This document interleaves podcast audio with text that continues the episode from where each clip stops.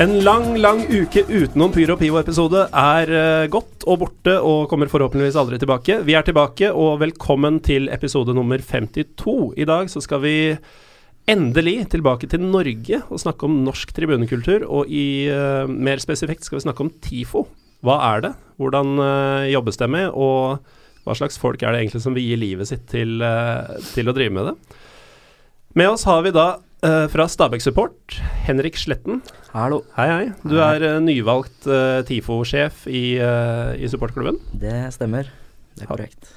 Du er med andre ord relativt godt egna til å være her i dag? ja, jeg er jo det, da. Passer bra, det. Satser på det. Ja. vi har også med oss fra Fugla-TIFO, Kanarifansens forsanger og tribuneansvarlig, generell bajas, Tor Arne Sandli. Velkommen til deg. God dag, god dag.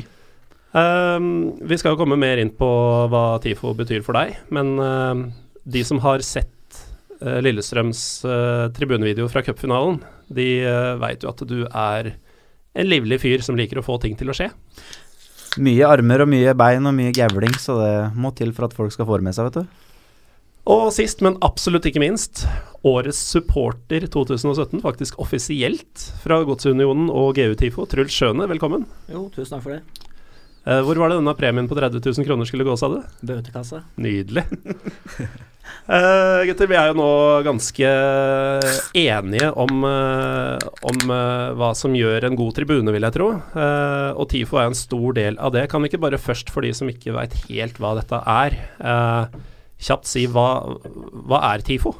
Det er, det er noe som lages av supporteren av kjærlighet til klubben, byen og tilhørigheten der du er fra. Det skal lages fra bunnen av. Uh, akkurat som du lager en bearnés, så skal det lages med kjærlighet. ikke sant? Det skal lages skikkelig.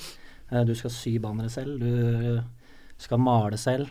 Du uh, henger opp og gjør ting sammen med mange andre medsupportere. Så det, det, er i grunnen litt om, om det. Jeg ser mye nikking fra siden her. Uh, Henrik, ja. hva, hva, tenker du Hva er en TIFO for deg? Uh, en TIFO for meg, det er jo at uh, alle gutta har uh, jobba sammen og fått i gang noe som lager et bra show på tribunen. Hvor du får ja, altså et bra arrangement, da. Rett og slett. Og Tor Arne, vi snakker mye om å lage ting og lage ting sammen og lage ting fra scratch. Og som uh, Truls var inne på, det er ikke bearnés vi snakker om. Uh, banner er nevnt. Hva mer uh, kan en TIFO innebære?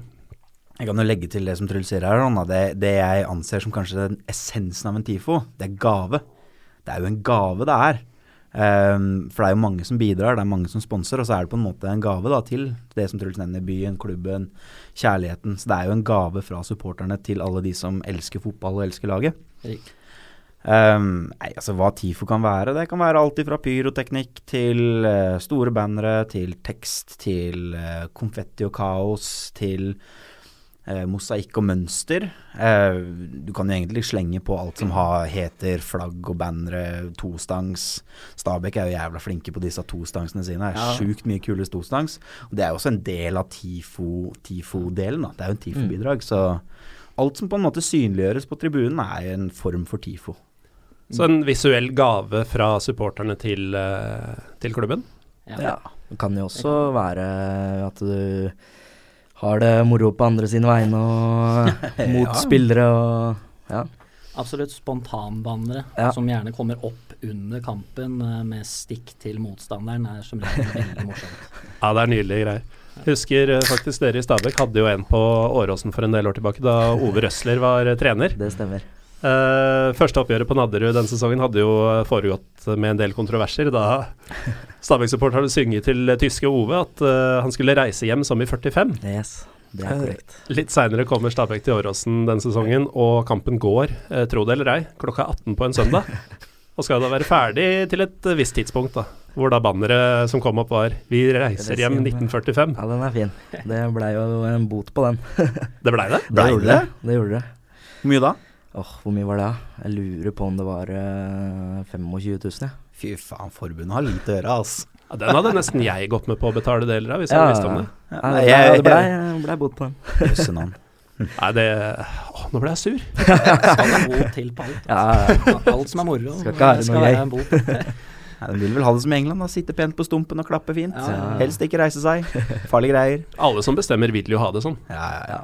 Men eh, det, det blir fort en annen episode, tenker jeg. Men eh, før vi går videre til mer om hvordan man jobber med dette og sånn, eh, er vi alle enige om at TIFO ikke skrives med store bokstaver? Øredøvende stillhet? Uh, Nå var det Jeg skriver det med store bokstaver. Gjør du det, altså? Er det feil? Altså? Ja, nå tror jeg den tittelen du fikk i fjor må trekkes tilbake. Jeg, jeg skrev det med store bokstaver før, men er blitt korrigert på det av den selveste Gorken, så Gorken er ganske hard på sånne ting. ja, Gorken er gæren. Så eh, nei, jeg er blitt korrigert på det, så jeg skriver det med små bokstaver nå. Med mindre jeg starter et ord med det, da, så skriver jeg stor T. Ja, selvfølgelig. Ja, Mm. Man, man, er jo et, man er jo ikke barbarisk. det gjør vi også. Nei, men da, da er vi enige fra nå av, da. Ja, små bokstaver. Det er greit.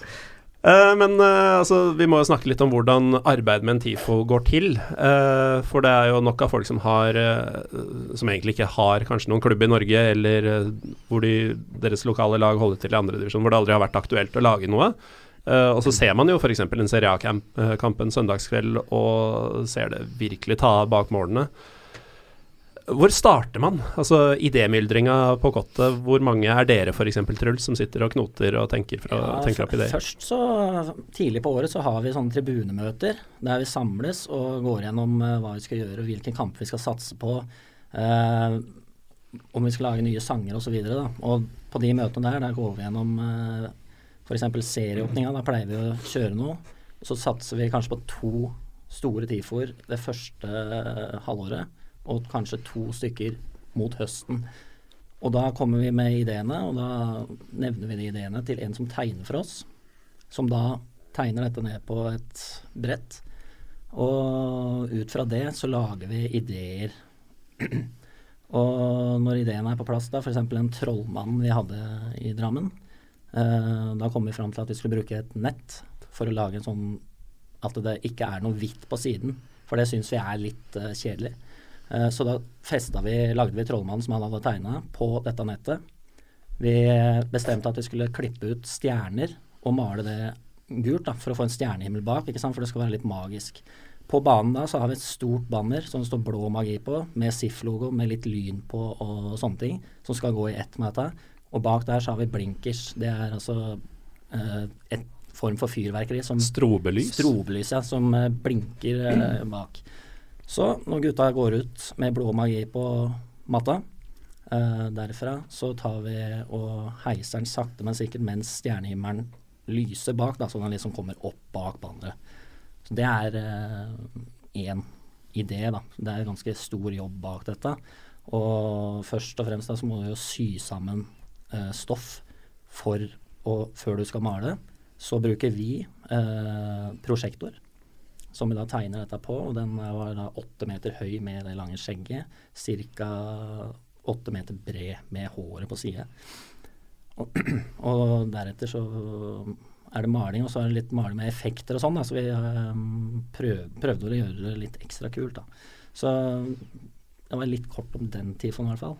Men ideene. i hvor stor grad var denne trollmannen basert på han derre greven dere har uh, stående? Ingenting. Ingenting? det blir eh, mye sying, eh, Tor Arne. Ja, altså det, Vi gikk til punktet hvor vi faktisk valgte å investere i en uh, ordentlig industrimaskin som vi fikk uh, Han kosta vel uh, egentlig tett oppunder 20 000, men vi fikk den vel til en 14-15 vel. Så um, den drar nesten en meter i sekundet når du syr. Så etter at vi fikk den, så går ting ganske radig unna. Og det blir rett? Det gjør det. Ja. Eh, I hvert fall når du har to stykker, som, altså en som fòrer og en som drar. Når de to faktisk vet hva de driver med, så blir dette her faktisk jævla bra. Altså.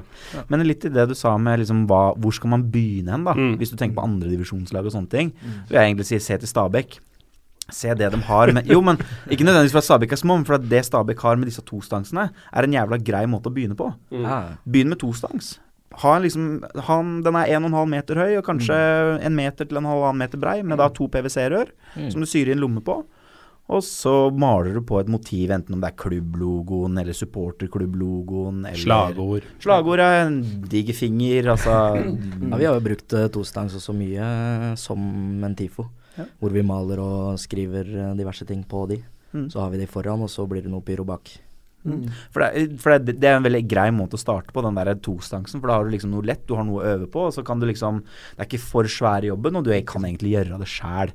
Så, så hvis du sitter liksom nedover i divisjonssystemet, eller for så vidt enkelte eliteserieklubber som ikke er eh, meget eh, rutinerte på dette her sånn, så går det an å starte i det små med flagg, tostangs der omkring. Kanskje tekstbanner som er tre-fire-fem meter bredt, da, hvor det er bare kjør på eller kom igjen eller et eller annet sånt. Bare, bare begynn et sted. Skaff erfaring. Vi også var jo der. Vi lå jo nede med brukket rygg Fugla TIFO. Og etter eh, inntog med nye mennesker og frisk innsats, så har det tatt oss noen år, men vi er jo på vei tilbake igjen til et nivå som er akseptabelt. Og da er det liksom Vi begynte i det små, vi òg. Feila, kløna og det som var. Så det Men sying, helt klart. Det gått noen, eh, gått noen eh, meter med stoff. Jeg tror vi må skaffe ny symaskin, altså, for den du, eh, dere har, det høres ut som eh, luksus i forhold til den jeg driver og tråkker på. Så Ja, for dere har vært på Ops og kjøpt i 899 eller noe sånt? Ja, litt Ah, mer enn det, men eh, det, den egner seg ikke i lengden, altså. Nei. Og litt mer, men en av dere hadde medlemskort, så det blei det ble 899 uansett. Ja, det blei det. Det var noe vi investerte i starten når jeg tok over som TIFO-ansvarlig. da. Så da kjøpte vi inn to sånne symaskiner eh, til en OK pris, da, for det er begrensa med penger. Og de lever enda, da. Ja, men jeg, jeg må jo si det om symaskin, fordi at eh, vi hadde, vi har tre symaskiner som funker, men som er sånne hobbysymaskiner som du kjøper på Ops til liksom 899. Og jeg, når jeg begynte med dette, sånn, så var det de symaskinene vi hadde, jeg var egentlig ganske fornøyd. Det funka greit. Og så var det litt sånn at den var ofte på service, og det kosta liksom 500-600 kroner da, for å bytte liksom motordelen og sånne ting. Så han økonomisjefen vår var litt sånn her Ok, nå må vi det, vi, vi, vi, kan ikke drive og ha han på service tre ganger i året, det går ikke, ass. Det blir for dyrt. Eh, så det var litt sånn ok, greit, da stikker vi og ser på en ny symaskin. da Gikk til uh, sysenteret i Lillestrøm, spurte hva er det du har å anbefale til vårt bruk. For han kjenner jo, han er mye på Åråsen, kjenner til greia. Han bare 'Den her', han. Tappa på en og bare 'ok, greit'. Fikk prøve den. Dro stoff som bare svingende, ass. Satt den på lokalet. Jeg har aldri tatt i de gamle symaskinene etter det. Nei. det hvis, hvis man liksom skal begynne et sted og har tenkt til å, å satse litt på dette TIF-greiene, så bør man investere i en ordentlig symaskin. Det er nesten som en seng. Ja, absolutt. Ja, ja. Ikke spar penger på det. Det lukter jo brent når vi har kommet, når vi har kommet på ti meter på maskinen her, så kjenner kjenner det lukter brent og ryker opp bak. Det er ikke kødd engang.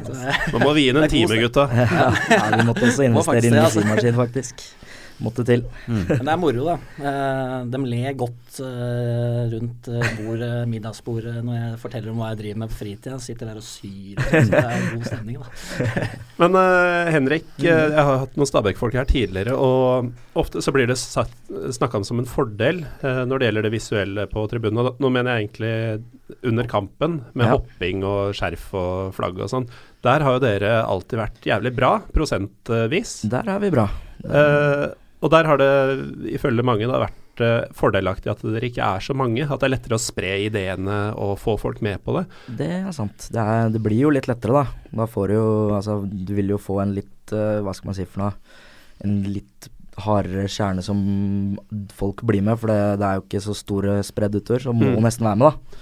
Fordi eh, som eh, sikkert dere i Gods og vi i Lillestrøm eh, har opplevd, så er det jo ikke alle som er like punch på alt. Nei. Eh, men i Stabæk er det sånn at hvis du først er med på hele den greia der, er du da også med på TIFO-greiene, eller er det Ja, altså, vi har jo Det er mye Ultras og Vestfronten som har Og tidligere da Stabæk Inferno, som har stått for TIFO. Men det er også mange fra Stabæk Support og sånne ting som er med og hjelper til. Det er det. Så man opplever ikke at det er uh, altfor få til å gjøre jobben som skal gjøres, eller? Eh, vi har slitt en del med å få med folk, det har vi. Eh, men jeg føler at nå er det på vei opp igjen.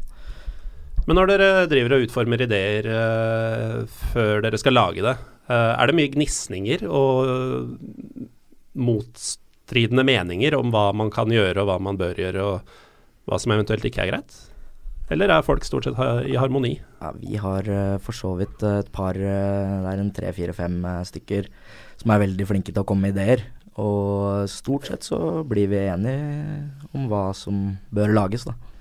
Vi har uh, veldig mange som er flinke på ideer, vi òg. Men uh, ideene er noen ganger ekstremt store. Da. Så det jo, handler jo om det å roe seg litt ned og kanskje finne ut hva som er gjennomførbart på vår tribune og på Marienlyst. da. Grandiose typer. Ja, for å se hvordan ting fungerer, istedenfor å um, smelle til med noe som kanskje ikke går. Da. Så um, det er viktig å ta det litt med ro òg, på ideene. Da. Så vi, vi har beherska oss uh, litt underveis. I Lillestrøm, Tor Arne, i, i, min tid så kalte vi det bare husmorkanaris. De, de gutta i 20-30-åra som satt og søy, søy, sydde og malte og klippa og limt, holdt jeg på å si. Åssen uh, er uh, Nei, altså ideene Ideene kommer gjerne fra Noen, noen ideer kommer fra gruppene, sånn som Ski Devils, UFC, uh, Custodes ja, noen ideer kommer derfra, andre kommer fra Kanarifansen, øvrige Kanarifansen. Det som kanskje Er det noe stammementalitet på det? At uh, gruppene stiller seg utelukkende bak sine egne ideer og sånn, eller går det stort sett greit? Du vet hva, jeg, altså jeg, jeg tror faktisk ikke jeg har opplevd konflikt på TIFO-ideer. Det Man har kanskje vært er uenig om den skal være så og så brei eller så og så høy, om man skal ha det motivet, eller den logoen eller den logoen. Mm. Men, men selve konseptet, ideen, er nok man som regel enig om. Konflikten ligger kanskje der hvor eh, man begynner å snakke om dette med lovlig kontra ulovlig pyro. Det er der kanskje konflikten vil havne, for det er noen som er liksom slavisk mot bruken av lovlig pyro, samme faen. Andre er liksom at hvorfor kan vi ikke bruke, lov, nei, bruke lovlig pyro? Så det er jo heller der diskusjonen handler, da. Men selve liksom, hvis man tenker OH, altså store bannere eller eller tekstbannere eller sånne ting, så er, noe, er det en ganske unison enighet. Når det gjelder lovlig pyro, så var det vel ganske lenge at Lillestrøm ikke fikk lov til å søke, fordi uh, man hadde blitt tatt så mange ganger for ulovlig. Stemmer det. Vi har hatt flere sesonger hvor vi har vært uh, nekta muligheten til å ha lovlig pyro. Men det er, det er greit nå, eller? Ja, nå i år er det det. Mm. Men altså det ofte, eller de gangene det har vært, så er det årsregulert. Da har vi gjerne fått forbudet sånn midt på sommeren. Mm. Da gjelder forbudet ut sesongen, og så får vi lov igjen ved sesongstart. Ja. Men når dere Du var litt inne på det i stad, Truls, men fra man setter seg ned og begynner å lage skisser og sånn, og til kampen er tre minutter gammel og Tifoen er pakka ned og på vei mot søpla, ja. Uh, hvor lang tid vil dere estimere at dere bruker sånn på én TIFO? Det kommer helt an på, men la oss ta En som dere er fornøyd med? Ja, en som jeg er fornøyd med. Uh, la oss ta den uh, Trollmann, da, som vi var veldig fornøyd med. Da kan vi tenke at vi brukte en måned. Ikke, da satte vi kanskje av tre dager, tre kvelder i uka med åtte timer på de tre dagene. Pluss oppringning på stadion, som er ekstremt lang tid. Så jeg vil, vil si i hvert fall sju dager full arbeidsuke, da, minst, for å få til én bra TIFO. Uh, og du, hvis du skal feste på småflagg f.eks., så trenger du kanskje 20 mann sant, for å feste på de 2000 flagga på, på en noenlunde grei tid. Da. Så det er, det er, veldig mye forskjellig som skal uh, gjennomføres. Hvis du skal ha uh, småflagg på hele Kanarifeltet, eller hele, hele kortsida, så, så er det en god del flagg. Da må du ha ekstremt mange på, på plass, da, i tillegg til alt som skal males og sys osv. Er det gjenkjennelig, Henrik? Ja, det er jo det. Vi pleier jo stort sett å bruke helg, vi da, én helg på en uh, TIFO som vi kan ha på Nadderud. Det er jo ikke det største feltet vi har, så Igjen en fordel med å være litt ja, mindre enn de andre, eller? Ja, for så vidt. Det hadde jo vært gøy å kunne hatt noe veldig stort. Vi har jo hatt mange store som har gått langt bortover mot uh, bortfeltet og diverse. Uh, ja. Men uh, når vi er inne på felt, så er det jo sånn Jeg syns jo egentlig at uh, Kanarifeltet på Åråsen er ganske dårlig egna for veldig mange tifoer. Store deler av det er mørkt, og du har disse søylene og sånn.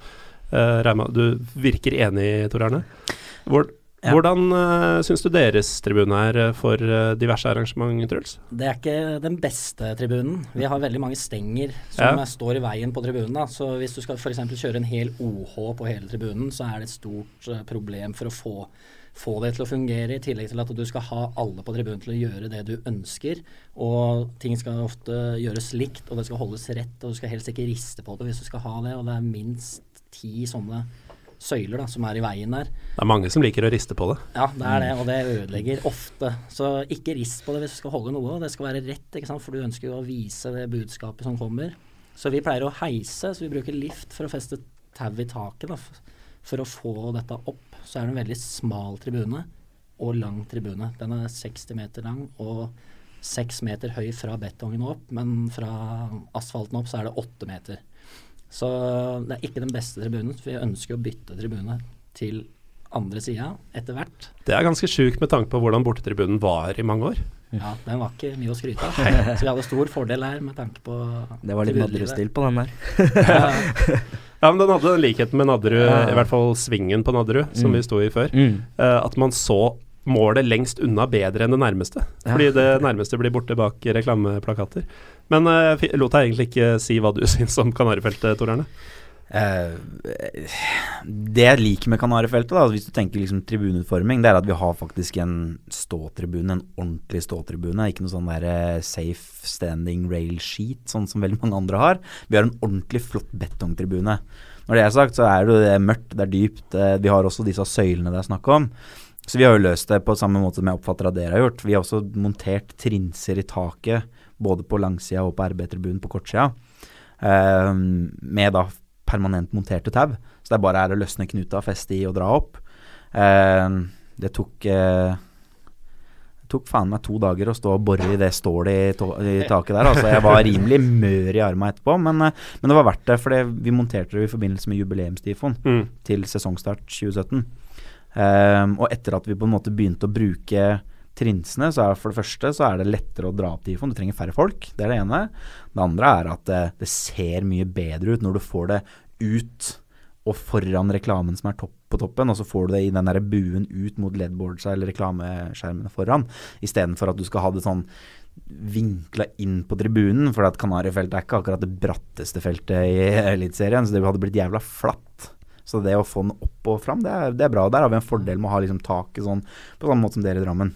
Der suger du litt for dere i. Stabæk, da, som ikke har tak og ikke noe å løfte det opp i. Ja, vi har en sånn pressegreie over der som vi bare pleier å stå der og holde. så vi får den opp der. Ja, ja, bedre enn ikke noe. Ja da, det funker det. Jeg husker I gamle dager så sto vi eh, før hver TIFO som vi skulle ha en sånn heis opp-variant.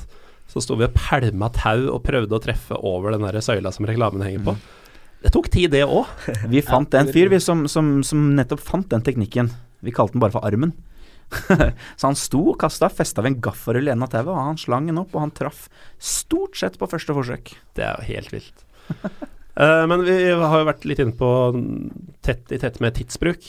Så er det jo antall folk. Uh, hvor mange vil du si, Tor Arne, er i den faste kjernen som alltid stiller opp i, i Fuglatifo nå?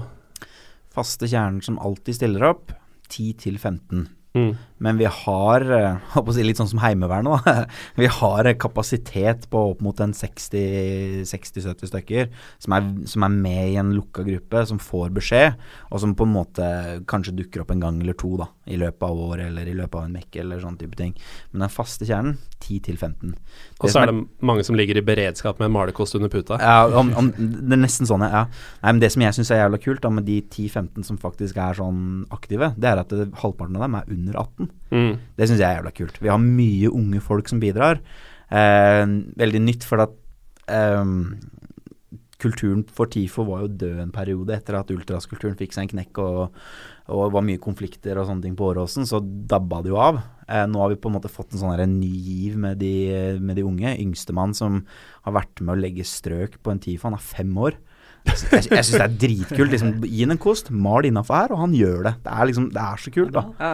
Så det um, er med mor eller far på, på MEC, så jeg, jeg syns det er dritkult med de unge som kommer. Så vi har en Er det derfor du har fått unge sjøl nylig? Jeg ble inspirert. Nei, eh, ja, nei, det Fotsoldater. Ja, nei, det For å si det sånn, jeg var frustrert over LSK fordi at de setter ikke opp eh, treningskampene sine tidlig nok.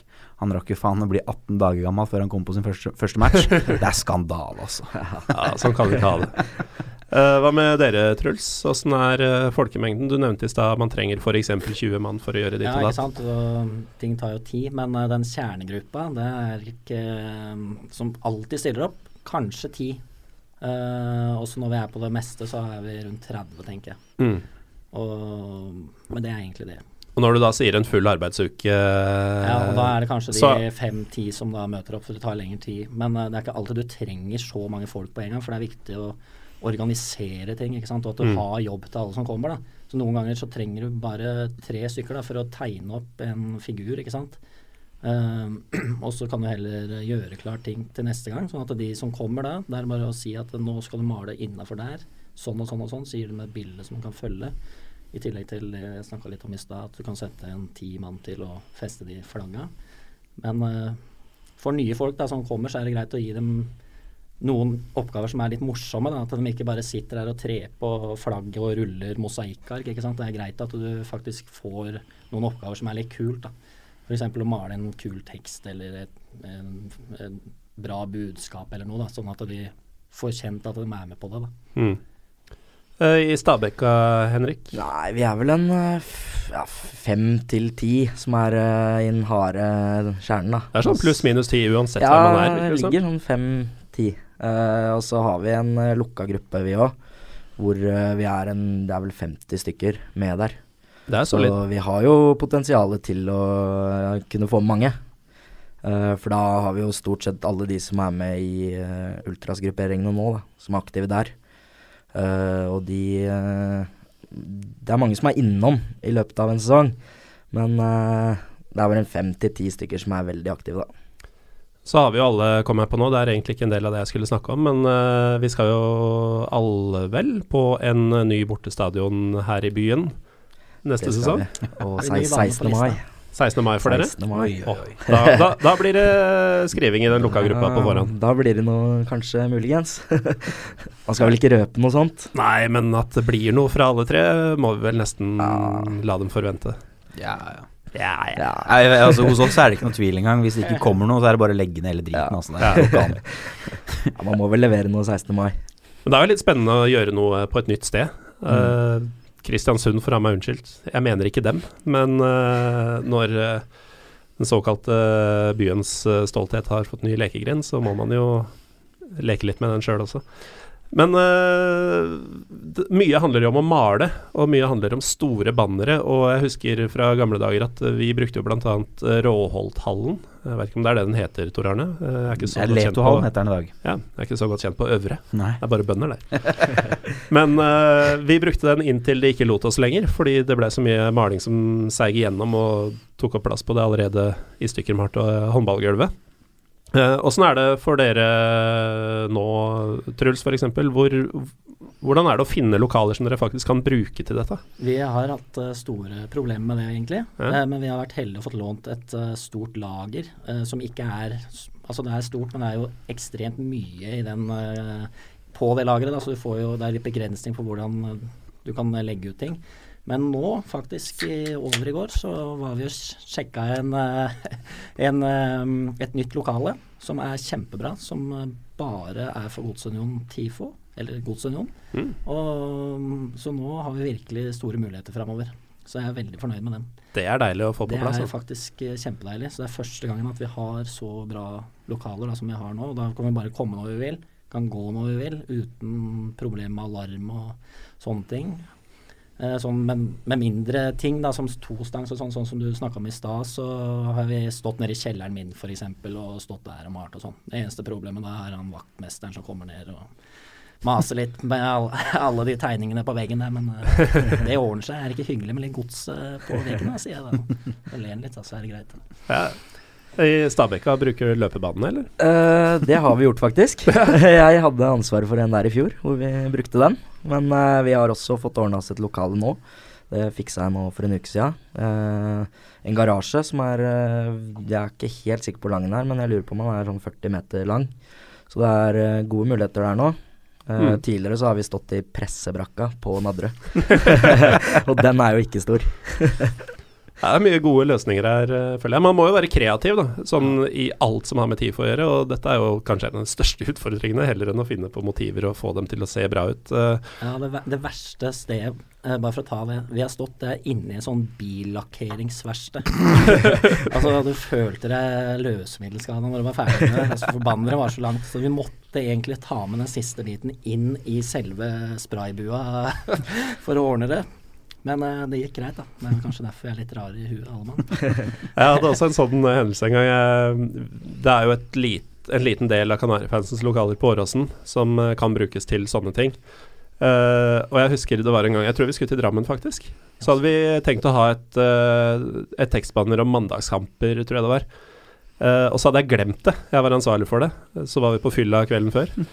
Så jeg dro like gjerne, i stedet for å dra hjem, så dro jeg til Åråsen og låste meg inn og begynte å spraye. Uh, midt på natta, drita full. Og jeg kjente meg mildt sagt løsemiddelskada en stund etterpå, altså. Det, det er ikke veldig godt uh, ventilert der, uh, Tor Arne. Nei, vi bruker ikke det lenger. Uh, nei, nei, altså det, vi, vi brukte det en periode, men det var jo helt natta. Så de kan bruke det til sånne enkle ting som tostangs og sånne ting, for det rommet er fem ganger fem, og så har du litt over to meter under taket. Så det funker fett eh, til å lage sånn tostangs og sånne ting. Så har du liksom kort vei og det greiene der. Men vi har jo ordna oss egne lokaler og har hatt det en stund. Vi eier et eget eh, Eier? Eier, ja. Eget kjellerlokale som eh, Ja, eier er vel kanskje ikke riktig. Vi, det er ikke vi som eier bygningen, men vi har eh, fri, fri kontrakt på det. Så vi kommer og går som vi vil, og gulvflaten er 12 ganger 12 pluss et eh, litt større lager, um, lagerrom innafor, og tilgang på dass og mikro og kjøleskap og faen, faen, Jeg fikk jo til og med en sofa her. Ja, Så det, det, er, eh, det er ordentlig rigga der nå, så vi har et flott, flott lokale som passer Åråsen perfekt. Eh, og for større prosjekter så har vi avtaler med, med noen av sponsorene til LSK som besitter eh, gulvflate som er langt større enn det vi klarer å lage noe eh, fylle ut. Så det, er- det, er- det er veldig fint. Vi, sånn sett, etter å ha vært på supporterseminaret forrige helg her, hvor det blei snakka om TIFO og tribunen en del, Ble Så- det sagt noe spennende der? Ja, vel, eh, litt det jeg skulle fram til. Ja. For at det, Truls kom jo bl.a. og holdt et foredrag om TIFO eh, og Mekken og det der sånn for, for alle som var der. Det var vel bortimot en 100 deltakere, så kjempebra. De fleste supporterklubbene i divisjonene var eh, representert. Eh, og det, følelsen jeg satt igjen med etter det seminaret, det er egentlig det at det, Fy faen så bra vi har det i Lillestrøm. Det er, oi, oi, oi. Det er Folk lider og blør, og det er ikke måte på når du snakker om billakkverksted og sånne ting. Jeg sitter og tenker med meg sjøl at eh, sånn har vi ikke hatt det i Lillestrøm på mange år, altså. Det er litt deilig å tenke. Det er litt sånn deilig å sitte i den posisjonen og vite at vi har lokalene, vi har materialene, vi har folka, vi har pengene. Nå er det bare å begynne å bli flinke. Men det høres jo ut som eh, alle tre står sterkt rusta når det gjelder fasiliteter for eh, kommende sesong. Det har, eh, det har blitt bra nå. det, det hever jo lista for hva vi kan forvente. Ja, det, det blir eh, Vi må jo Og litt opp igjen, vi nå. For vi har eh, hatt et par eh, dårlige sesonger nå. Mm. Så det er mye jobb eh, nå. Men det, det er jo, som vi har snakka litt om nå, det er jo mye altså, ryggknekkende arbeid. Eh, man begynner jo å grine innimellom av, eh, av hvor mye som står igjen to dager før kamp og sånn. Eh, alt som ikke er på plass. Og å rekruttere folk inn i et sånt miljø, hvor vanskelig er det? Du var litt inne på det i stad, Tor Arne. Jeg tror femåringer er Det tilhører sjeldenhetene, men Stabæk føler jeg har litt sånn Har i hvert fall hatt litt sånn ungt, dynamisk miljø. Åssen er det for dere? Det var jo Det også var jo stopp nå i en tre-fire år. Uh, mye uh, lite unge som uh, ble med. Eh, og så har vi i Vestfronten nå begynt å ta litt mer tak, og tatt litt over for Ultras. Og så har vi fått inn en god kjerne med folk på 17-18 år. Uh, dem er vel en ti stykker som har bidratt mye nå i fjor, og kommer til å bidra veldig mye nå. Så det er greit. Det, det hjelper. Det kommer seg. Det gjør det. Femåringene uh, satt til side, Tor Arne. Åssen er- åssen ser framtida ut for Fuglatifo? Eh, det ser veldig bra ut sånn som det er nå. Hvis det fortsetter sånn som det er nå, så blir det veldig, veldig bra.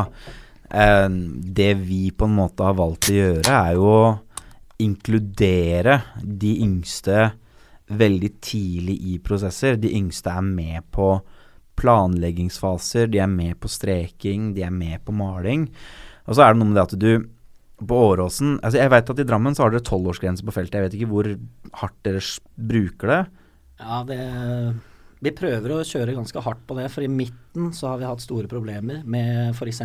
så unge som nede i femårsalderen som foreldre har satt der til å leike. Og altså, det, det nytter ikke. Uh, det har vært et problem.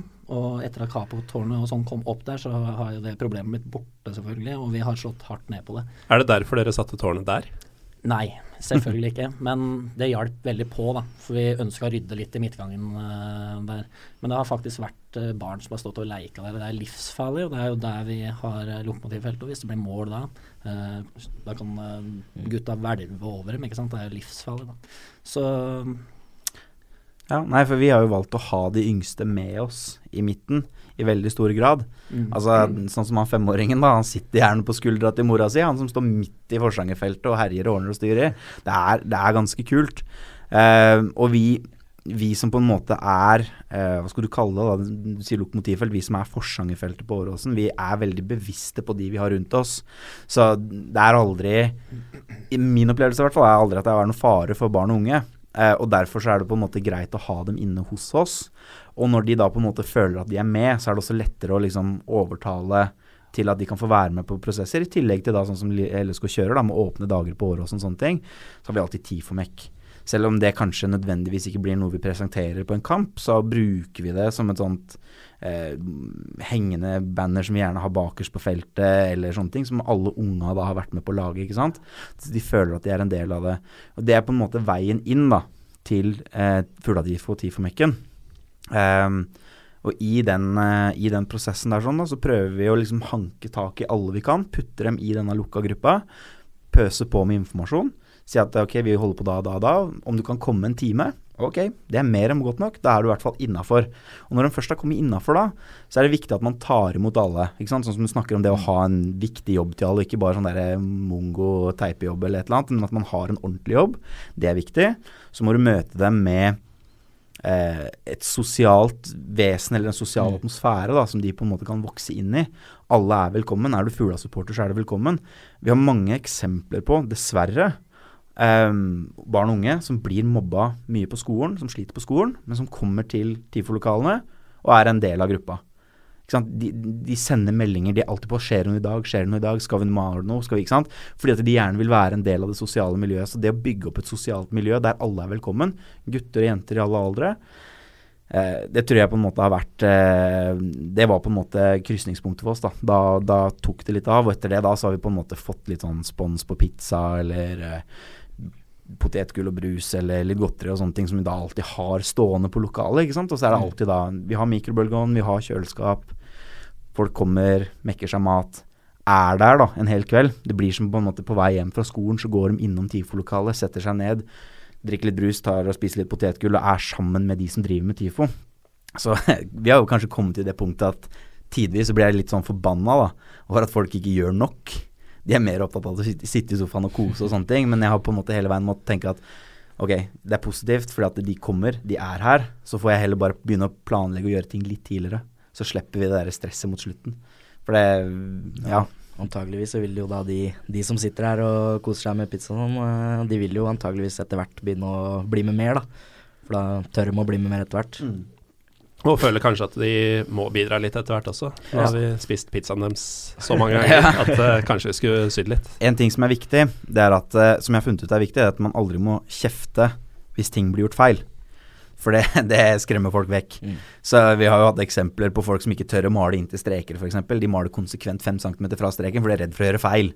Da blir det sånn at ok, da må, da må det tørke, og så må jeg gå over etterpå og male inntil streken. Da Så, har vi et slagord, og det, er, det syns ikke på avstand. Nei, det er samme. ja, ikke sant. Og det er jo det vi har jobba med, vi også. At uh, vi har sånne pettemetere som sitter og skal helt nøye og sånne ting. Og så vet jeg, drit i det der, da. Når det der skal opp, og de som står 110 meter i andre enden, de kommer ikke til å se om den streken er en centimeter til høyre eller til venstre. Drit i da, vær så snill. Mal, kom igjen. Ja, Men uh, Truls, når, uh, når sjuendeklassingene i Drammen uh, har uh, stått og beundra deg oppå tårnet der i årevis, og endelig er gamle nok til å Nei, unnskyld, sitte i og beundra deg på tårnet, og endelig er gamle nok til å komme inn dit. Uh, er de da Hva skjer med dem da, holdt jeg på å si? Hvordan blir de tatt imot? Uh? Alle er hjertelig velkommen. Uh, litt om hvordan Altså, jeg ønsker alle velkommen, og når jeg står der, så tar jeg gjerne folk i handa uh, osv. for å si at her er alle velkommen, egentlig. Mm. Så i starten, altså jeg veit det sjøl, altså at jeg var kanskje litt aggressiv. La oss si for uh, sju år da, som forsanger. Uh, selv om du ikke mener å være det, men at du liksom blir oppfatta som en litt aggressiv person, og kanskje folk blir litt redde for det. Men etter hvert så snudde vi litt på det. Jeg fikk høre det, så begynte jeg liksom å ønske folk velkommen og hilse på håndhilser og sånt nå. Her er alle hjertelig velkommen og for å lage best mulig stemning på Marinus. Om de, uansett hvor gamle de er, så er de velkommen til å stå på feltet så lenge de er rundt tolv år. Hvordan jobber man med de nyankomne på å få dem inn i Ikke verv, men eh, at de kan bidra litt da, på TIFO f.eks.? Ja, eh, Som regel så pleier de å komme bort til oss og spørre, eller så går gutta bort til dem, som eh, de som står og flagger og er eh, Mm. Helt i hundre litt på sida. Da går vi bort og spør har du lyst til å være med på en TIFO-dugnad, og da pleier de ikke å være vanskelig å be. Så da eh, møter de opp, og det er kjempestas. Det syns de er Mm. moro. Så det er en- enkelt og greit sånn det foregår. Mm. Jeg husker sjøl fra da jeg var liten Uh, og gikk på Åråsen, så jeg så jo opp til de, uh, til de sentrale gutta. Uh, Syns jo de virka kule og ville gjerne vise meg litt verdig og sånn. da. Hadde jeg visst det om dem som jeg gjør i dag, så hadde jeg sikkert ikke hatt den innstillinga. Men sånn er det ofte, tror jeg. Ja. Eh, så sånn som spesielt dere to, Truls og Tor Arne, som også er forsangere, og som på en måte alle på stadion kanskje veit, om ikke navnet på, så veit i hvert fall hva rollen er, og, og hvor viktig, på sett og vis, eh, dere er. Så har sånne ting mye å si. Ja, alle er, det er viktig å ta vare på alle. Mm. Fordi hvis ikke alle føler at de er velkommen på tribunen, så, så da gidder de ikke å gi den innsatsen det forventes da av en stående og syngende supporter. Ikke sant? Det er viktig at eh? Noen er ultras, noen er vanlige supportere. Noen liker bare kanskje å være med på et par låter, ikke sant? mens noen bare klapper. Selvfølgelig så ønsker vi at alle skal gi full gass, da. men det er viktig ikke sant? å få alle disse her sammen da, til å ville det samme og yte det maks. For når alle er med og bidrar, det er da det er god stemning. Det er da det eksploderer på stadion. I tillegg når vi får med langsidene. Vi må snakke litt om eh, pyro også. Vi har tross alt et navn å leve opp til her. Eh, siden, vi, siden temaet er TIFO, så kan vi kanskje snakke om pyro som en del av TIFO, da. Eh, først og fremst. Altså fordeler og ulemper med, med å inkorporere f.eks. strobelys, som du var inne på. eh, den type ting. Eh, hvordan ser dere på det i, i Stabæk, eh, Henrik? Eh, hva tenker du på da? Nei, hvor mye kulere eller farligere, eller uh, Altså, bruken av pyro uh, Som en del av jo- TIFO? Vi, er, vi bruker mye pyro, det gjør vi. Jeg personlig syns nesten vi har brukt for mye de siste årene nå. Det har vært lite med år og mye pyro, men jeg er veldig fan av pyro. Så syns jeg jo for så vidt den av lovlig pyroen er litt kjedelig.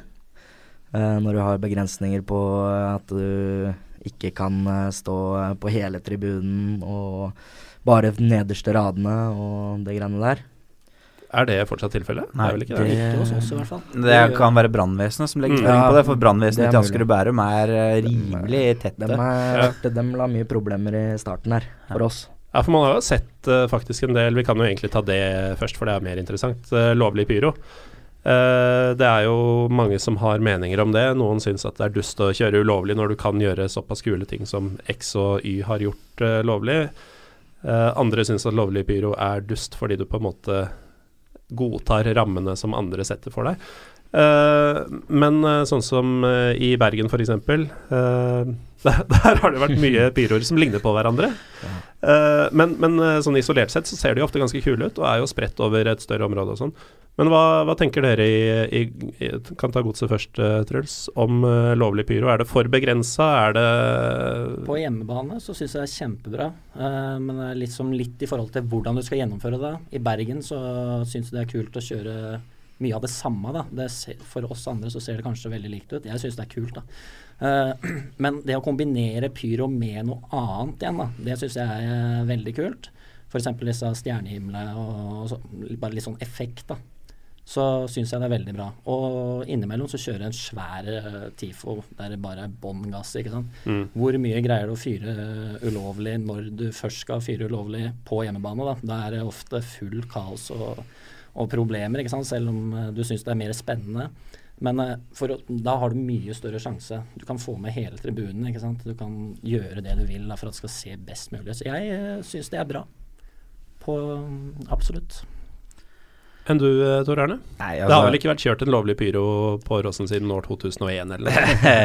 ja, altså, hva du legger i lovlig pyro Det har vært søkt om og brukt lovlige pyrotekniske artikler på Åråsen, sånn som den derre togtifoen vi hadde i seriestarten 2014. ja, så kom det røyk ut av togpipa, liksom. Ja. Da var det to røykgranater som ble brukt. Den ble søkt om og brukt på en lovlig måte. Så det har jo vært lovlig her, men det er kanskje ikke det man legger i pyro. Jeg vil, jeg vil først bare rose godset for, for, måten de implementerer pyro hjemme på Marienlyst. Når de har det som en del av en større koreografi.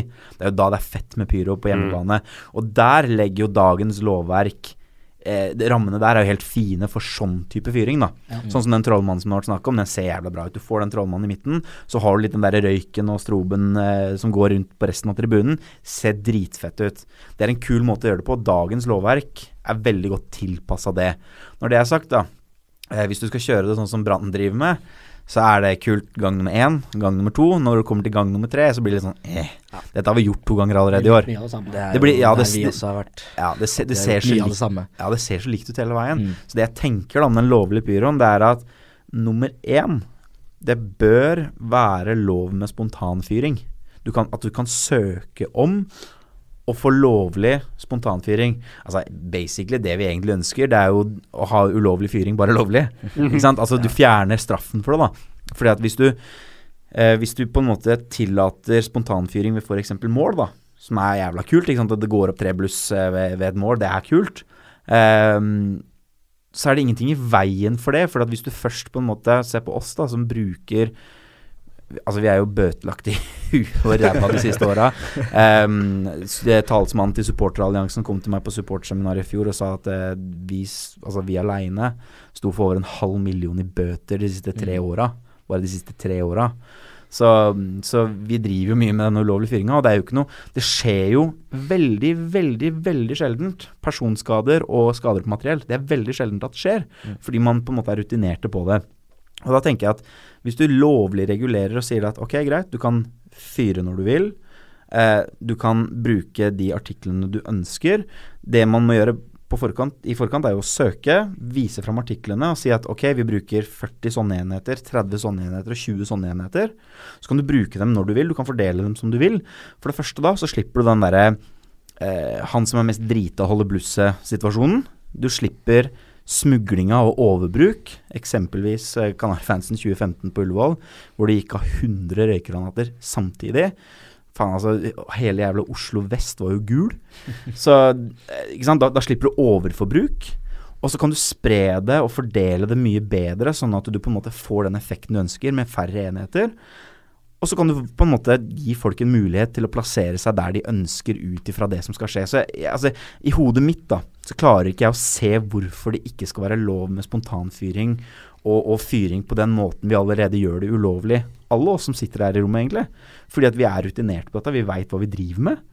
Uh, og Av en eller annen merkelig grunn så har man fått det for seg at dette er ikke greit å gjøre lovlig. Så man skal legge liksom begrensninger bare for å føle at man har kontroll.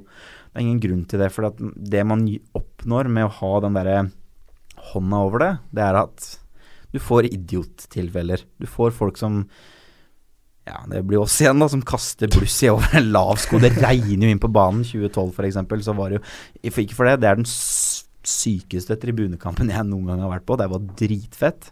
Kampen utsatt 20 minutter. Politiet storma tribunen, var helt kokos. Så jævlig bra ut. Eh, vi ønsker jo selvfølgelig ikke sånne helt tilstander. Men selvfølgelig ikke.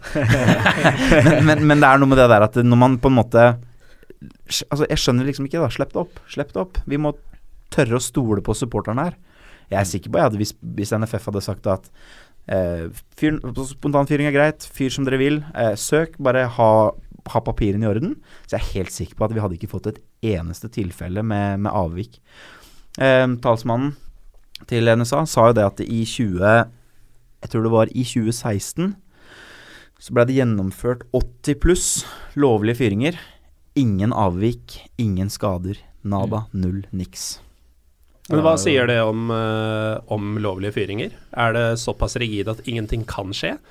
Eller er det det at, eh, at denne tryggheten da, som du snakker om, er til stede? At, at du har folk som ikke er redde for å fyre, og følgelig da ikke gjemmer seg under noe og ikke ser noe, derfor setter han i nakken på han foran seg, eller Eksempelvis for oss, da, som er mongo på denne røyken, det er at vi har en tendens til å legge røyken ned. Ikke sant? Og da, for det første så kan du smelte sko. Du smelter seter. Det er det ikke sant? ene faren ved det. Det andre er jo at du får røyken rett opp i fleisen sjøl. Hvis du kan holde den jævla boksen, eller feste den til en liten pinne eller noe sånt, og ha det- opp i lufta, så kommer røyken over hodene. Du slipper å dra inn all denne røyken. Så altså, jeg tror nok det at det, når det er lovlig, og du på en måte har et sett med, med, med rammer på den måten, så er på en måte folk komfortable med å gjøre det. Da er det som du sier, da, ikke skummelt. Du slipper å kaste det fra deg og sånne ting. Du, du holder det trygt, du gjennomfører det trygt. For du ser jo det i den ulovlige fyringa når vi gjør det på den måten vi vil. Forskjellen er jo det at det, du kan få skader ved at det er en som er møkk drita og kaster bluss i nakken på han foran eller noe sånt noe. Og så er det som politiet sa, da, eh, på dette supportseminaret som var her nå, at det, det verste politiet veit med dette her sånn, det er den maskeringa. Det er maskeringa de på en måte ikke liker. Og hvis du da gjør det lovlig, så slipper du maskering også. Så, så enkelt er det. jo tilfelle i 30-50 når vi fyrte ulovlig nå i fjor. Eh, Det er da bruntrøyene, ja, for de som ikke kjenner til den. riktig. Fyrte opp eh, masse svart røyk og en god del bluss. Da ser du vaktene da, helt i hundre, vet du, de har jo aldri sett et bluss før. Løper bortover sida der, setter ny eh, rekord på 60 meter. Hever blusset opp i vann, da, så ser du det bare fosskoker, og bøttene smelter, og det er full pakke. I tillegg så begynner det å hagle blomsterjord, øl, vin og vann ned fra tribunene. Og dette her skjer etter kampen igjen. I tillegg til det eh, så treffer dette bokste da, på røyken. Og det som skjer da, er at den svarte røyken blir til en sånn svart masse som kommer opp som sånn vulkan. Så du ser gutta, vi står bar overkropp der, for det var jævla varmt. Så gutta ble helt kølsvarte. Eh, Sa du at det var vin på tribunen?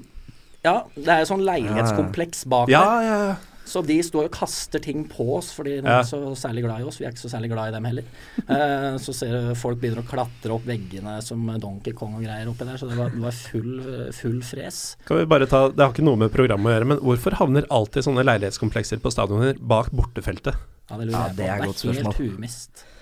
Humist. Ja, det er jo-. Eh, Åråsen er jo ikke noe bedre Ja. eksempel enn noe annet. Så det, Ja. Eh, to ganger var vi på Åråsen eh, i år, cupen, og det var ikke noe gøy. Jo, det var det. Andre, nei, det var ikke det. Men eh, da også har du jo en, Det er én person bak der da, som vi begge de gangene får problemer med. For han har satt opp en sofa og noe greier, og vi skal henge opp noen bannere bak der og sånn. Og han begynner å rive ned dette, for at uh, han ser jo ikke noe. For dette, han skal se, sitte i sofaen og se på kamp. Nei, det, der har du min fulle sympati. Det er Ja. helt natta, altså. Ja. Sofasitter får liksom en annen betydning. når Så, så det er jo det er veldig forskjellig med hvordan eh, de vaktene og sånn håndterer den ulovlige fyringa. Mm. Noen er jo helt bajas, mens andre holder seg litt i ro. Det kan jo hende at uh, Mjøndalen-politiets uh, og vaktenes uh, reaksjon var eh, i god tro, da. For det kan jo hende at de trodde at det var et par hundre mann som forliste i elva samtidig. Ja, At ja, eh, ja. det er den erfaringa de har med blussing. Ikke sant? Det virka sånn. Men uh, Henrik, Ja. eh, si x antall ukers arbeid som uh, re- ender opp i tre minutters stadionpynt. Er det verdt det til slutt? Ja, det er det. Alltid? Eh, Uansett? Ja, jeg syns det. det, er alltid, det er alltid moro, i hvert fall de gangene det går veldig bra. da. Selv om det bare er tre minutter, så Mm. ser det bra ut, og det ordner en uh, stemning på stadion. da. Og folk syns det er kult, og folk får mer lyst uh, når det blir sånn til å gå på stadion. da. Det, det hjelper mye. Ja, det er, det er litt sånn eh, når vi møter unge barn da, etter kampen, så spør de hvordan kampen gikk. Det er ikke sikkert han husker det, hvordan kampen gikk, da, men hvordan Tifon var. Helt sinnssykt. Det er ofte det de prater om etter kampene, når det har Mm. vært et bra show. Om det har vært noe bra pyro eller sånt noe. Det syns de er kult, og de ønsker å komme tilbake for å oppleve mer av det. Erfaringen er lik. Det, Mm. Jeg har jo hatt mine runder borte på RB-tribunen, som er eh, altså en motsatt kortende av bortetribunen på Åråsen. Det er familiefeltet på Åråsen. Er der gratisbilletta og 50 kroners billetta blir eh, Ja, der, er- der er det mye unger og mye rør, ikke sant. Og det når jeg, når jeg da, har- Innimellom så har jeg vært bortpå der for å prøve å få med meg folka. Tatt meg en megafon, gått bort og prøvd å få med meg folka. Og jeg får det samme spørsmålet hver eneste gang jeg går bort dit. Blir det noe pyro? Mm. Blir det noe pyro? Blir det noe pyro? Blir det noe pyro? De syns det er dritkult, Mm. ikke sant. Ja, ja. Så det, så det Du har helt rett i det, altså, Truls. Det er det derre tribunearrangementet. Det, det setter liksom standarden for kampen. Og så er det det folk husker. Det er det folk kommer hjem for. Folk Mm. kommer hjem for stemning. Folk ja, kommer hjem for opplevelse. Helt klart. Mm. Så det, det, det er en del av pakka, det å være på fotballkamp. Det er god, god kok. Så hvis du holder med Hødd og driver og rører rundt nede i divisjonssystemet, så må du huske på det at det er viktig å, å skape litt eh, stemning på tribunen, altså. Ja, de har jo litt stadion til å ha muligheter til sånt òg, Ja, de har jo det. faktisk. Men uh, et par av dere er jo eh, godt etablert. Noen av dere har barn, noen har uh, kvinnfolk, noen har begge deler, noen har ingen av delene, men i hvert fall familie og venner og diverse. Arbeidsgivere, for den saks skyld. Åssen forsvarer man det her overfor eh, folk rundt seg? Når du, når du bruker en uke, Truls, Ja, jeg har jo en kone hjemme, ikke sant? Uh, men dette her, det forklarte jeg egentlig når jeg møtte henne, at uh, sånn er det. Så i talen når jeg uh, gifta meg, så ble det sagt eh, at hun skulle aldri finne seg en fotballidiot, men så fant han den største. Så eh, hun forstår det, og det er liksom min fritid at jeg holder på med dette. Det er viktig for meg, da. Holdt du bryllupstalen din i megafon? Nei, det gjorde jeg ikke. Og vi bruker eh, veldig lite megafon på Marienlyst, selv om vi har den tilgjengelig. Men jeg sliter litt med den megafonen, altså, for det blir mye surr. Blir Så så jeg- stiv i hånda bruker, av å holde den der. Jeg gjør det, vet du. Så jeg bruker stemmen, ja. Inntil videre. Jeg Har ikke helt tribune for megafonbruk heller, for dere har så smal og brei tribune. Mm. Ikke sant. Altså Det er ikke noe dybde på Marienlyst, så megafonen, lyden, går jo bare i den retningen du peker. Med stemmebruken da, så har du liksom, når du litt lenger, da. På Åråsen så er det litt lettere med megafonbruk, for vi har litt tettere felt og litt dypere. Ja, så jeg, jeg bruker ofte tegn med hendene og stemmen. PA-anlegg, har det vært uh, diskutert her, eller? Det tok vi opp på SIS forrige tribunemøte, uh, og det er faktisk i tankene. Mm. Det høres eh, riktig ut. Hva skjedde med tromma deres? Den, Ja! Ja! Sist vi hadde godsefolk her, så var jo det Det har jeg lurt lenge på. Altså, den tromma, den eh, er bestilt. Den ble bestilt nå forrige torsdag. Hører dere det, gutter? Ting tar tid. Eh, Ja, får dere hjertet i halsen her hjemme, tenker jeg. Um, vi tok det opp på forrige Tok det som et åpent tribunemøte først, der vi inviterte alle som eh, ville komme og si sin mening. Vi kom med enstemmig flertall ut derfra, enstemmig av alle i lokalet, om at dette var greit.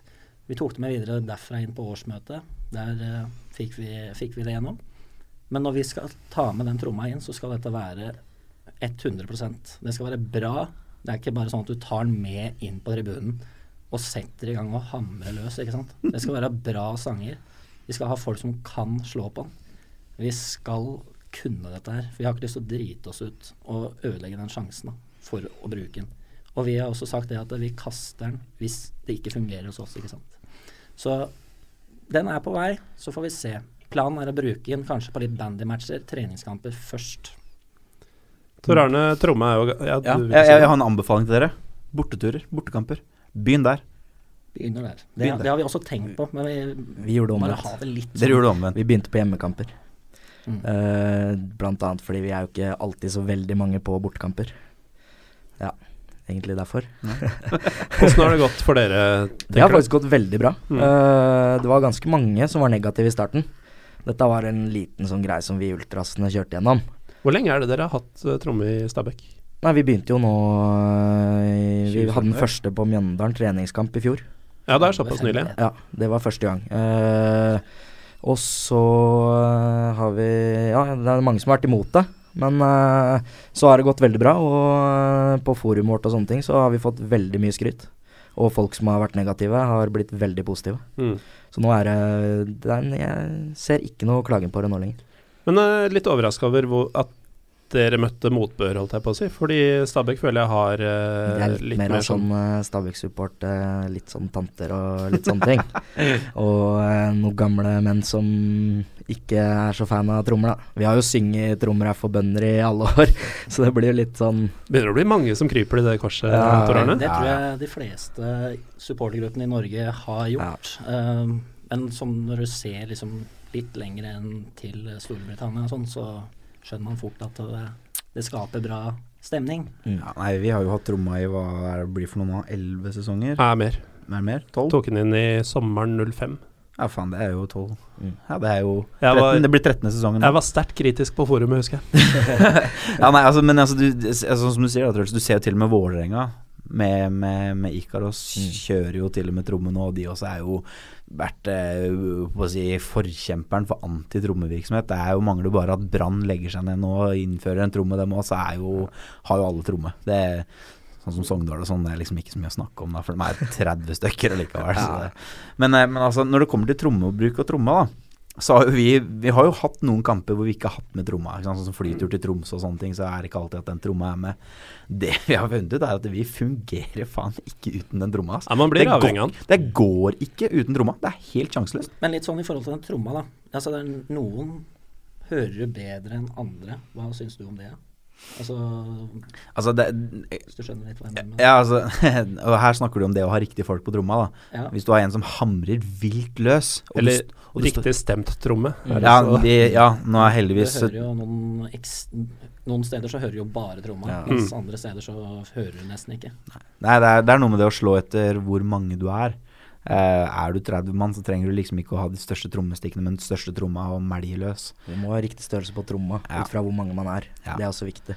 Bare viktig at man ikke blir helt sånn derre skarptromme mm. Tysk eh, fjerdedivisjon skarptromme. Ja, det er grusomt, altså. Du må ha en ordentlig tromme. Men, men, men eh, for oss, da, så, er, så setter på en, eh, på en måte tromma litt eh, Altså Tromma setter jo tempo og sånne ting, men den, den setter stemninga også. Hvis du har en ordentlig trommeslager med, med, med ordentlig god rytme, og, og, og så bygger det sangen opp, altså. Um, Og som i tillegg skjønner tribunekulturen. ja. Som veit når du skal slå litt hardere, og når du kan roe ned litt sånn. Vi er heldigvis begava med en svært dyktig trommis på Åråsen. Eh, Jørn er eh, Ja, han er magisk på tromma. Du kan si hva du vil om Twitter-kontoen hans, altså, men, eh, men tromma, det fikser han. Den er magisk, den òg. Ja, jeg elsker Twitter-kontoen til Jørn, altså, for all del. Jørn er, Jørn er helt. Er helt konge. konge. At Manoweird, for de som ikke kjenner til eh, den. My, finner du mye gull. Mye, Mye gull. ordspill. Ja, mye gull. Mye bra. Men uh, Tor Arne, de kjerring og de unge eh, ka Kanskje ikke vanskeligst å overtale henne, når jeg tenker meg om. Nei, altså han fem uker gamle sønnen min, han er ikke så vanskelig å overtale. Eh, for han stort sett bare gulper og driter allikevel. Um, På deg, hovedsakelig. Ja, jeg, hvis du fulgte Hvis du følger meg på Twitter også, så så jeg at jeg, i går var det vel, så faen gulpa han i hele meg, så jeg var jo blaut fra topp til tå. Men Nei, hun eh, samboeren min er ikke nødvendigvis kjempebegeistra for, eh, for tidsbruken. Men, um, Men hun er også en del av miljøet, er hun ikke? i, I utgangspunktet ikke, men hun har jo en skau av søsken som er en del av miljøet, så hun blir på en måte inkludert allikevel, da. Eh, så nå, hun går jo på kamper, hun er medlem av Kanarifansen, hun, så hun, hvis hun går på kamper selv om hun ikke er fotballsjel. Så blir hun på en måte dratt med likevel, da, fordi at vi alle andre rundt henne går på kamper. Um, hender jo at jeg får høre det at nå bruker du mye tid, eller nå somler du fælt, og nå driver du og ordner og styrer, men eh, har av Merkelund opplevd den siste tida nå at hun også er den som sitter hjemme og sier at eh, skal ikke du starte på den Tifon snart? Jeg orker ikke at du er borte hele dagen, de hele siste tre dagene før kamp. Kan ikke du begynne nå, vær så snill, så får du litt, får du litt bedre tid? Det syns jeg er litt morsomt, da. Um, så det er ikke nødvendigvis ehm, blessed eh, by all ehm, Ja, Det problemet har jeg ikke i det hele tatt. Det er god stemning hjemme hos meg hele tida. Jeg får lov til å gjøre det her, og det er Ja, det- min greie. Og jeg syns du er glad på mine vegne når jeg er med på dette. Virker ikke som for noen av dere at det er dette som skal ta knekken på forholdet. Nei, nei, nei, nei, nei, på ingen måte. Men uh, tilbake til uh, TIFOR. Uh, vi må jo ta litt historier om, om ting man husker spesielt godt. Jeg tenker først og fremst har, det- har det skjedd at noe har gått ordentlig til helvete? Ja. Du kan begynne, du, Truls. Nei da. til helvete. Jeg bare tenkt på en annen historie. Det var jo ikke mer eh, Vi gutta før 30-50 hjemme, eh, vi pleier å finne på litt forskjellige ting. Så vi gikk opp i Haukåsløypa og skulle sette ut en fakkel som det står SIF på. Men den ble da flytta til eh, Holmenåkken, som er midt i elva. Så da fyrte vi opp masse fakler som det sto SIF på den, så det lyste opp bra. da. Og da kjører vi rundt og passer litt på i byen og sånt noe. Eh, plutselig så får jeg en telefon, og så står det MIF der. Å, fy faen, hva gjør vi nå? Det er full krise. Så vi kjører tilbake igjen. Inn på Holmenåken, og så fikser vi det sånn at det står SIF. Og så stikker vi tilbake igjen på Kings, uh, som ikke er så veldig langt unna. Får en ny telefon. Står det MIF der igjen. Kjører vi tilbake, bånn gass. Hvor er disse Hvor er de, men? Hvor er de? Vi finner dem ikke. Og plutselig så hører vi en båt som putrer ute i elva der. Så ser vi fem-seks mann med sånne um, kølsvarte drakter da, med sånne svømmeføtter og full pakke, ikke sant, som er uh, ute i elva. Så står, blir det litt munnhuggeri da, fram og tilbake her. Uh, så da endte det med at vi slokka hele, da, for vi ville ikke at det skulle feile igjen. Men da ser vi bare forsvinner bortover, da. Men, Ja, eh, det var- Enten slukke alle eller å bli stående der resten av ja, det var det. Så du hørte det når det var MIF eh, som det sto der. Så hørte du det tuta, det var skreik fra motorveien og fra Bragernesstrand, og det var et helvete, altså. Men eh, bra kreativitet av de i gummibåten. Det var en liten feil, men eh, ikke den feilen du er på jakt etter. Enkelt, men effektivt. Um, I Lillestrøm, Tor Arne? Nei, jeg, når jeg kom inn her sånn, så snakka vi litt sånn løst om TIFOR og, og sånne ting. Og da kom jeg på en situasjon vi hadde hvor eh, vi rett og slett eh, må kalle det en feil. Eh, for det var vel under eh, Ja, var det 16? 15? 2015? Eh, hvor, det, hvor vi hadde det derre banneret hvor du liksom hadde KFL-logoen, LSK-logoen og UFC-logoen Mm. med da teksten fra VG Øvre 'Vi er LSK', og nede så sto det 'Gul og svart armé'. Dessverre så fikk det banneret nede en twist. Så det sto gul og Nei, gul, svart armé. Altså det fikk en twist som så helt jævlig ut da, fra motsatt side. Eh, og det ble ikke pent snakka om eh, i ettertid. Da var det mye bråk og hvordan kunne dette skje og uh, i det hele tatt. Og det Jeg har til den dag i dag ennå ikke skjønt hvordan det kunne skje, fordi vi la jo bare stengene rett ned, rett fram. Og når du skulle bare ta stanga og dra den opp igjen. Eh, men eh, av en eller annen merkelig grunn så har han fått en twist om noen har flytta på det, eller eh, Det vites ikke. Men det er den feilen som av nyere tid vi har snakka om, da, som, som på en måte virkelig har vært eh, et, et, eh, et skår i gleden. Eh, så kan jeg ta en annen TIFO som jeg husker tilbake i en tid. Du husker kanskje den derre Forsa Fugla, Fort Åråsen-tingen, den der med Fuglen og Redet og alle Mm. eliteserieklubbene. Det var jo før min tid, men jeg mener å huske at eh, man sleit med å få den opp. Den som gikk over hele langsida omtrent? Man sleit med å få den opp, for den skulle egentlig vært oppe i kampen mot Rosenborg. Mm. Men han kom aldri opp fordi noe tau røyk, og man klarte ikke å dra den opp. Så man brukte to kamper på å få den opp, for han var så stor og tung. Eh, og det er jo også en type fail eh, som man eh, virkelig ikke ønsker. Der står du og skal dra opp noe mot Rosenborg, og du er hjemme, og, og så bare går det ikke. Du, du får den ikke opp, rett og slett. Nei, man vil ikke bruke for lang tid på å få den opp. Stabæk, eh, Henrik. Er, eh, er det noen ordentlig grusomme historier der? Mm, jeg er ikke I min tid så har vi ikke hatt så mange sånne. Vi hadde en liten en mot jeg tror det var Haugesund. Eh, 2015, det var vel.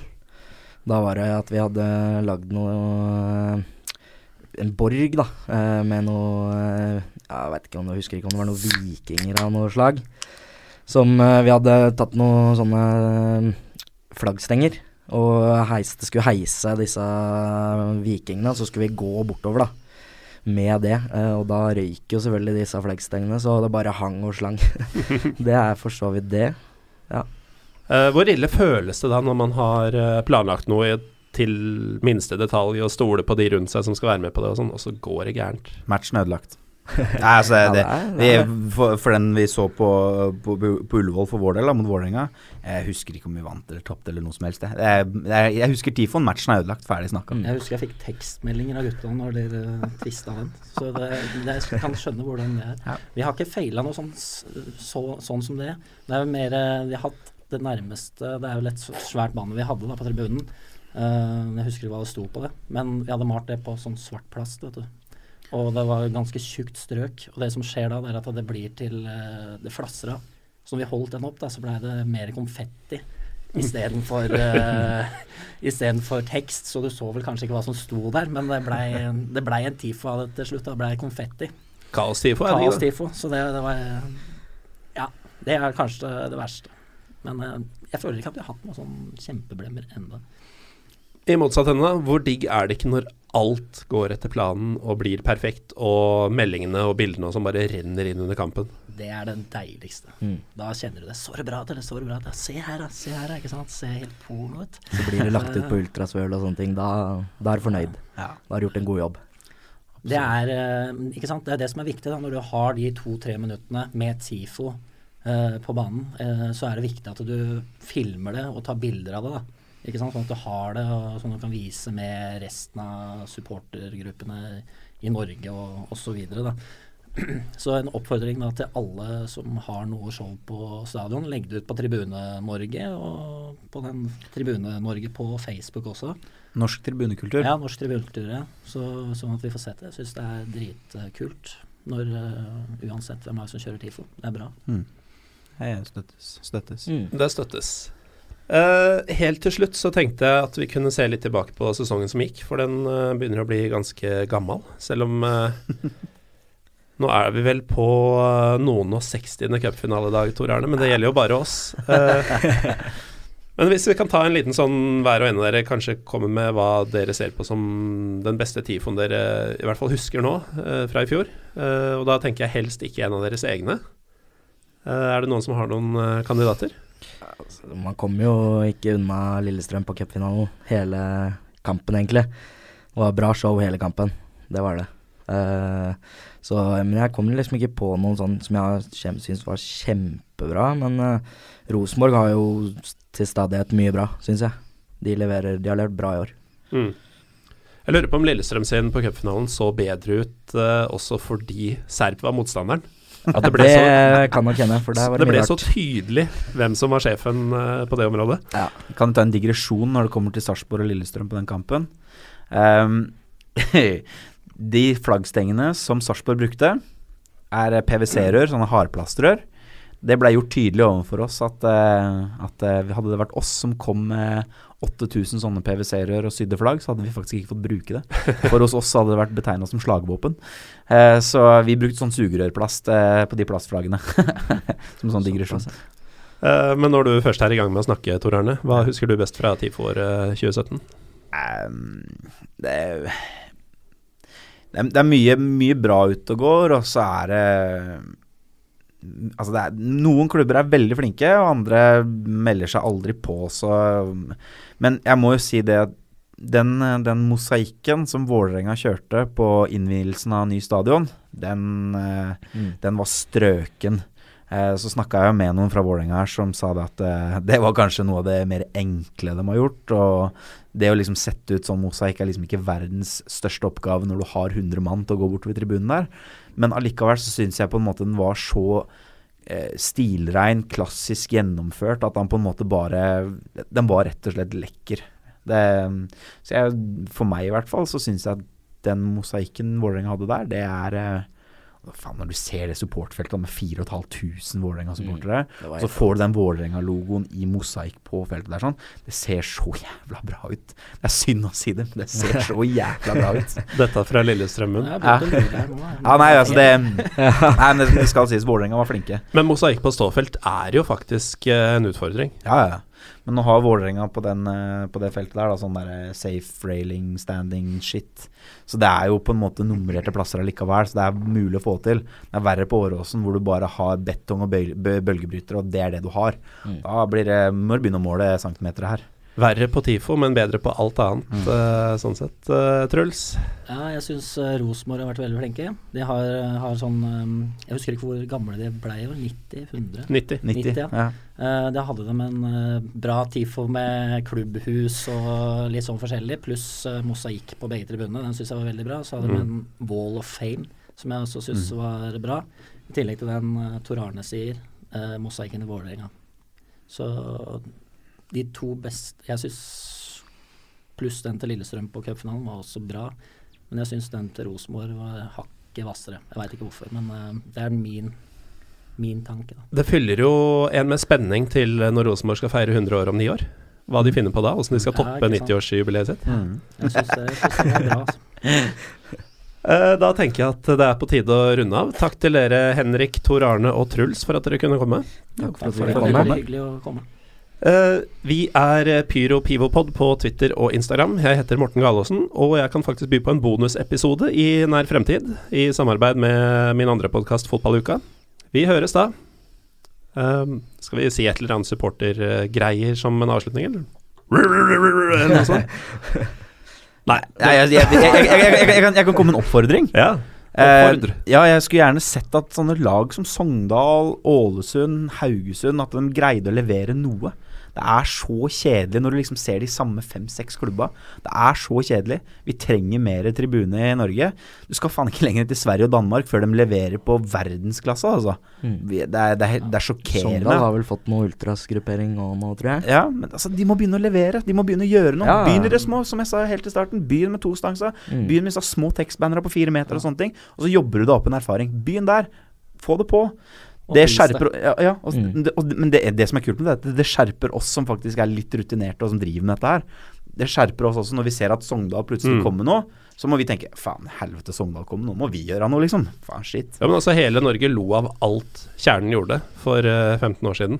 Nå er de ifølge de fleste best på Mm. det meste.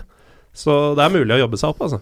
Absolutt. Eh, nå klarte jo Kristiansund for så vidt å få seg sjøl litt omtale da de Var det, var det tostangs eller uh, skjerf, eller hva de hadde? Nei, det var sånne, sånne utklepte hoder, var det ikke det? Av uh, Odd Iversen. Ja. Ja. Bildeton Sivert, husker jeg det sto et sted. Ja, det er jo- Det var tekstband foran, vel, med noen sånne utklipte hoder. Det er jo, Men det er jo oppi der. Ja, oppi sånt skal ikke skje. Vi føler oss krenka i Lillestrøm da, vi, da de ikke holdt opp eh, bilder av uh, maleren. Ja, ikke sant? Ja. Ja, for de har jo satt en standard nå. Ja. En eh, presedens. Ja.